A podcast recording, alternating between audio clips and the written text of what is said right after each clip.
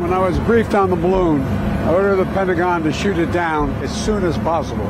Den amerikanska presidenten såg nöjd ut i sina pilotglasögon när han häromveckan berättade att amerikanska försvaret skjutit ner en kinesisk spionballong. Och efter det har fler ballonger skjutits ner på löpande band. På en kvart får du veta om det rör sig om ett nytt kallt krig mellan USA och Kina eller om det är utomjordingar som ligger bakom. Let's go to New York Times.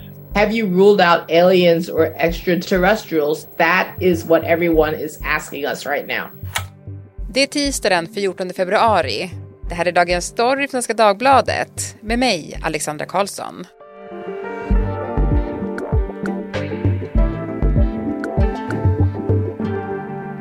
Erik Bergin, nyhetschef på Utriket här på Svenska Dagbladet. Halloj! Hej, hej! Du, vår kollega Teresa Kyschler, hon skrev till mig innan vi skulle spela in den här podden och sa så här att hela poddavdelningen borde få sparken om vi inte tog tillfället i akt att spela den här låten.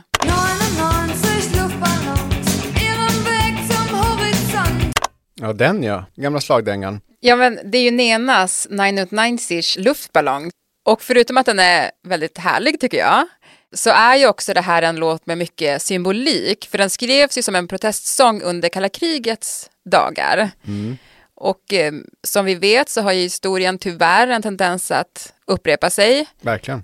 Och är det det vi ser nu, alltså ytterligare spänningsfas mellan två stormakter? Ja, det kan man ju säga. Det har ju redan hänt egentligen. Och det kom sig av den här första ballongincidenten då, månadsskiftet januari-februari, där USA till slut då sköt ner en, en väldigt stor ballong, stor som tre bussar kunde man ju läsa, på hög höjd eh, över eh, USA och eh, den visade sig då tillhöra Kina. Så mycket är ju klart. Och USA hävdar att den här hade avlyssningsutrustning med sig. Kina hävdar att det är en väderballong och så vidare. Men, men det där fick ju till följd att uh, Antony Blinken, USAs utrikesminister, ställde in en planerad Kina-resa. Så det har ju redan, som du var inne på, hänt. Uh, mm. Den här uh, uppblossade diplomatiska krisen. Mm. Ja men precis, för, för nu är det ju fler ballonger som har skjutits ner och jag tänkte innan vi går vidare så måste vi liksom försöka sammanfatta vad vi vet hittills. Mm. Så Erik, hur många ballonger har skjutits ner? Ja, det är ju tre objekt som har skjutits ner efter den här första vi nämnde. Och det hände ju nu under helgen, fredag, lördag, söndag.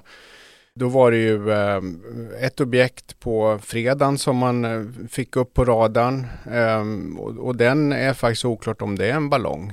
När man sköt på den så gick den i tusen bitar och det indikerar ju kanske att det är något mer hårt material än en ballongduk. Liksom. Mm. Sen var det en till på lördagen och, och ytterligare en på, på söndagen och de här sköts ner under norra USA eller över Kanada i, i något fall också. Så det var kanadensiska flygvapen som var uppe och pangade på någon av dem där. Men exakt vad de här var till för, vem som har skickat dem, det är oklart ännu. Man kan säga att de flög på lägre höjd än den här första som var stor som tre bussar. De här var mindre och flög på lägre höjd och gjorde att de potentiellt sett var en fara för trafikflyget som flyger på ungefär de här höjderna. De flög mellan 20 000 och 40 000 fot och, och, där kan man misstänka att det kan komma in trafikflygplan så därför ansågs man sig tvungen att skjuta ner dem av det skälet. It's that time of the year. Your vacation is coming up. You can already hear the beach waves, feel the warm breeze, relax and think about work. You really, really want it all to work out while you're away. Monday.com gives you and the team that peace of mind. When all work is on one platform and everyone's in sync, things just flow wherever you are. Tap the banner to go to Monday.com.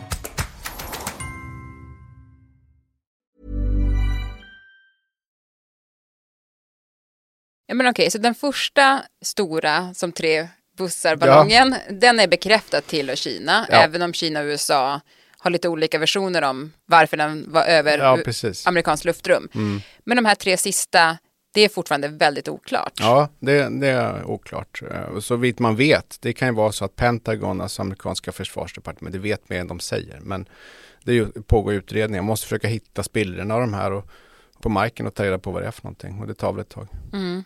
Det här får ju också folk att spekulera i om det kan vara utomjordingar. ja, precis. Det är ju ens första reaktion är ju lite att, att, att skratta åt det, men vi kan höra hur eh, en befälhavare vid amerikanska luftförsvaret svarade på det när han fick eh, frågan under en pressträff i helgen. I haven't ruled out anything uh, at this point. We continue to assess uh, every potential threat unknown that approaches North America uh, with the attempt to identify it. Alltså, kan det vara utomjordingar, Erik? Nej, jag tror inte man ska dra den slutsatsen. Jag tror att man ska tolka hans citat där som det, går tillbaka några år i tiden när, när det läckte ut eh, olika observationer som bland annat stridspiloter hade gjort. Och man hade då sett eh, snabbt flygande föremål, det kunde vara drönare, det kunde vara någon Vissa såg ut som ballonger, eh, vad det nu var för någonting. Sådana här observationer gjordes vid amerikanska krigsfartyg ute i havet som manövrerade där. Och det här läckte ut och blev en, en stor nyhet och eh, Pentagon och andra myndigheter, kongress, alltså utskott i kongressen som undersöker det, här, de insåg att vi måste nu börja liksom, ta reda på vad det här är för någonting. Och det började man med då. Och eh, hans citat där tror jag mer ska handla om att USA vet inte vad det är som man ser över amerikanskt luftrum många gånger. Men däremot så kanske man inte ska tolka det som att, att man tror att det kan vara utomjordingar. Däremot är man lite rädd för från Pentagon och andra håll att eh, andra länder, till exempel Kina eller möjligen Ryssland och sådär, eh, har hittat på någon ny teknik som man inte begriper hur, hur den funkar och som är väldigt effektiv. Det kan handla om snabba farkoster eller ny, nytt sätt att inhämta information och sånt och det, det har man erkänt nu att man vet inte om det kan vara på det sättet och jag tror det är det han pratar om där. Mm. Ja men precis, för det man undrar lite grann är så här, varför skjuts så många ner just nu? Mm. Det är intressant och, och det finns eh, åtminstone ett svar på den frågan är att det finns den här myndigheten som den här killen vi hörde alldeles nyss kommer ifrån. Det, det är den här NORAD som man har talat om från Hollywoodfilmer och sånt där. Står för North American Airspace Defense Command och är en eh, militär luftförsvarsmyndighet kan man säga. De har kraftiga radaranläggningar och sånt där och, och efter den här första ballongincidenten, den som var stor som tre bussar, då medgav NORAD att man hade inte radarkapacitet att upptäcka den här. Man såg dem helt enkelt inte på radarskärmen. Och sen dess så har man då kalibrerat, man har skruvat på någon ratt eller någonting, uppdaterat mjukvaran, vad man kan ha gjort för någonting. Och eh, nu har man möjlighet, eh, till skillnad från bara några veckor sedan, att upptäcka den här. Man letar helt enkelt efter dem, vilket man inte gjorde tidigare. Och det gör ju att letar man efter någonting så hittar man det, letar man inte efter någonting så hittar man det inte. Det, det är en logisk följd av det där. Så jag tror att det är en delförklaring. Man har säkert haft flygande oidentifierade objekt eh, tidigare men man har inte letat efter dem. Och det mm. gör man nu. Ja, men så det kan ha funnits hur många som helst sådana här objekt egentligen? Ja, och det, det, finns en rapport på det som kom ut nu i, i slutet på förra året. Efter, efter de här ufo-incidenterna så skapade man ett, ett, ett särskilt, eh, en särskild enhet inom Pentagon som heter All Domain Anomaly Resolution Office, AARO förkortas det. Och de släppte en rapport och det, det visade sig där att man hade då under bara något år, under förra året, sett 163 ballongliknande föremål över USA. Mm. Och hur många av de här som var kinesiska eller kom någon annanstans ifrån eller var amerikanska som man hade tappat kontroll på. Det, det, vet man inte men, men det var så många man hade sett och sen dess har det ju tillkommit några då. Så mm. det, det, är nog mer vanligt än vad man haft eh, koll på skulle jag tro det här. Mm. Ett uppvaknande kanske? Ja, det kan det absolut vara. Men vad händer efter att man har skjutit ner dem då? Alltså vad gör man då? Ja, den här första då, st största, där, den sköts ju ner utanför South Carolinas kust i Atlanten. Och skälet var väl att man eh, var rädd att den skulle braka ner i någons hus eller något sånt där och orsaka skador. Så då fiskade man upp den här, åkte ut med en båt, tog upp eh, ballongduken och det där som hängde under, någon sorts radioantenner och sånt där. Och det håller man på att analysera nu och jag misstänker att man kommer göra samma sak med de här senaste också. Så mm. man försöker ta reda på vrakdelarna eller ballongduken, vad det är för någonting. Kolla upp om det satt några mikrofoner eller antenner eller någonting annat och sen så kommer det då analyseras och förhoppningsvis kan man dra en slutsats om varifrån de kom baserat på det. Men det vet vi ju inte någonting om än så länge. Nej.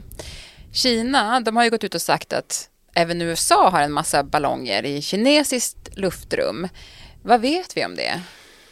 I, inte så mycket och det är ett problem som är värt att ta upp tycker jag. Framförallt som journalist. Vi, vi journalister måste ta oss en fundera på det. För Amerikanerna har ju ett informationsövertag här. Vi läser amerikanska tidningar, amerikanska nyhetsbyråer. Pentagon är väldigt skickliga på att pumpa ut eh, avhemligade rapporter om det här. Vi, vi får mycket fakta ifrån USA. Vi vet betydligt mindre från från Kina. Västjournalister läser, är dåliga på att läsa kinesiska medier. Vi, sen vet man inte alltid om man kan lita på det som kommer därifrån. Det finns informationsövertag eh, från USAs sida och det gör att vi vet inte om eh, USA också har egna ballonger och, som svävar runt över Kina eller vad det nu kan vara för någonting man kan ju konstatera, går tillbaka i historien, CIA till exempel har ju varit väldigt skickliga på att, att hitta på allehanda tekniska lösningar för att spionera på andra länder. The CIA. They call themselves America's first line of defense against international threats. They employ all sorts of methods to get the job done, from chemtrails to mind controlled drugs. But of course, they actually operate in great secrecy. Jag påstår inte att det här är CIA, men, men, man måste bara ha klart för sig att väldigt mycket av den informationen vi tar till oss nu av de här ballongerna kommer från USA och det kan vara ett problem. Mm. Men du, varför använder man sig av sådana här ballonger då? Alltså vilken information kan de hämta in? Det finns experter som, som har intervjuats nu senaste dygnet, senaste veckan här och de säger att det finns en fördel jämfört med satelliter på det sättet att det är väldigt enkelt och billigt att skicka upp en ballong. Och det kan vara en, en poäng att de flyger på lägre höjd än en satellit gör. Alltså den här första då eh, påstås ju ha haft eh, teknik för att eh, avlyssna radiotrafik, helt enkelt radiovågor. Och man kan också såklart tänka sig att det finns kameror på de här och de hänger då lägre än vad en satellitkamera gör och eh, man kan använda det för att eh, ta bilder över militärinstallationer, vad det nu kan vara för någonting. Men exakt vad det är, det, det återstår väl att se. Men, men jag tror framförallt tack vare kostnaden. Alltså det är krångligare att skicka upp en satellit än det att skicka upp en ballong. Det är bara att gå ut på ett gärde med en stor tub eh, gas och, ja, inte riktigt, men alltså det, det är enklare helt enkelt. Mm. Du, som vi var inne på lite i början, så har ju det här ökat spänningarna mellan USA och Kina och, och de mm. var ju redan innan ansträngda. Mm.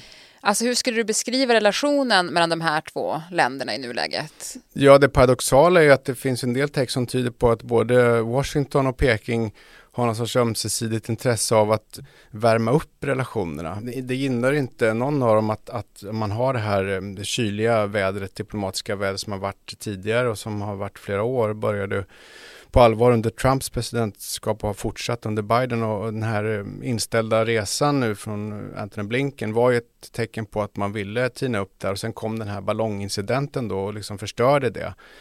Och jag tror eh, att eh, båda länderna skulle vilja ha det här löst och att man vill eh, få bort det här problemet så man kan börja snicka på en bättre relation igen. Och det har lite att göra med Ukraina-kriget. Eh, Kina går i någon sorts balansgång där mellan att stödja Ryssland och att, och att eh, vara vänskapligt inställd mot USA. Och jag tror inte Kina vill bli inboxad i ett hörn som någon sorts alltså ryssvänlig och, och, nation som, som drar på sig sanktioner från väst. Utan man vill, man vill hålla en öppen korridor mellan Peking och Washington och, och det här saboterar ju det lite grann. Mm. Hur farligt är det här då? Att det blir spänt mellan dem? Jag tror inte man ska överdriva det här. Det, de här tre sista som sköts ner i senaste helgen här, de, dels vet man inte var de kommer ifrån. Den första eh, har Kina tagit på sig ansvaret för och den borde kunna liksom hanteras i vanliga diplomatiska kanaler. Däremot, eh, jag menar, det finns ju inget som, om man kan hissa upp en radaranläggning i en ballong så kan man också hissa upp vapen potentiellt sett i, i ballonger och, och, det är klart man kan spekulera vad det skulle kunna innebära men, men jag tror att, att det här kommer att blåsa över. Eh, eller för att dra ett ballongskämt, jag tror att luften kanske kommer gå ur den här frågan inom några veckor. Men det får, det får vi väl se. Det beror ju lite på om, om det blir fler sådana här incidenter där man kan dra slutsatsen att det är Kina som ligger bakom, då, då kommer det kanske hänga kvar ett, ett tag till. Mm. Men jag tänker om man nu börjar se de här ballongerna överallt, som det ändå verkar vara tecken på att man, man skjuter ner fler och fler. Mm. Man kan ju tänka sig att det kommer fortsätta då. Ja, men det har ju spekulerats om, om den här första ballongen inte hade blivit en stor nyhet, hade den alls skjutits ner då? Det finns rapporter om, ja, som jag nämnde, 163 dokumenterade fall under förra året och det har funnits rapporter om två, eller om det var tre ballonger under Trumps presidentskap som flög runt över Florida och Texas. De sköts inte ner och hela grejen försvann. Så att just det att det, blir, att det har blivit det här mediefokuset på de här ballongerna eller vad det nu är för någonting. Det gör ju att eh, presidenter och, och befälhavare kan vara, känner att de måste agera. Det blir en själv, självspelande piano på, på något sätt där, den här nyhetsdynamiken. Och, och, det gör det svårare för USA och alla andra också att, att backa ur den här storyn för då kommer de få kritik för att de inte gör någonting, så de måste göra någonting. Och det, det, det är ett problem i sig. Mm. Man har, får en möjlighet att visa sig handlingskraftig. Ja, precis.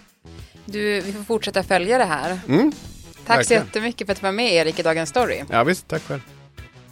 Programmet idag producerades av Stina Fischer, redaktör var Teresa Stenle von Matern och jag heter Alexandra Karlsson.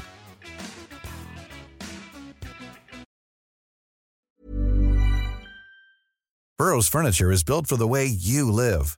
From ensuring easy assembly and disassembly to honoring highly requested new colors for their award-winning seating, they always have their customers in mind. Their modular seating is made out of durable materials to last and grow with you. And with Burrow, you always get fast, free shipping. Get up to 60% off during Burrow's Memorial Day sale at burrow.com slash ACAST. That's burrow.com slash ACAST. burrow.com slash ACAST.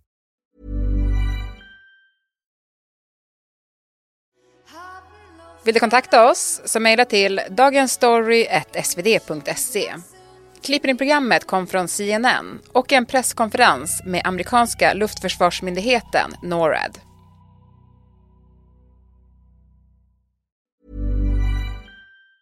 When your skin feels nourished and glows, you radiate confidence. Osea makes giving your skin a glow up easy with their clean, clinically proven Mega Moisture Duo. This seaweed powered duo features two of Osea's best sellers, Undaria Algae Body Oil and Undaria Collagen Body Lotion. Glow from the inside out. Get 10% off your first order with code GLOW at OseaMalibu.com. That's O S E A Malibu.com code GLOW.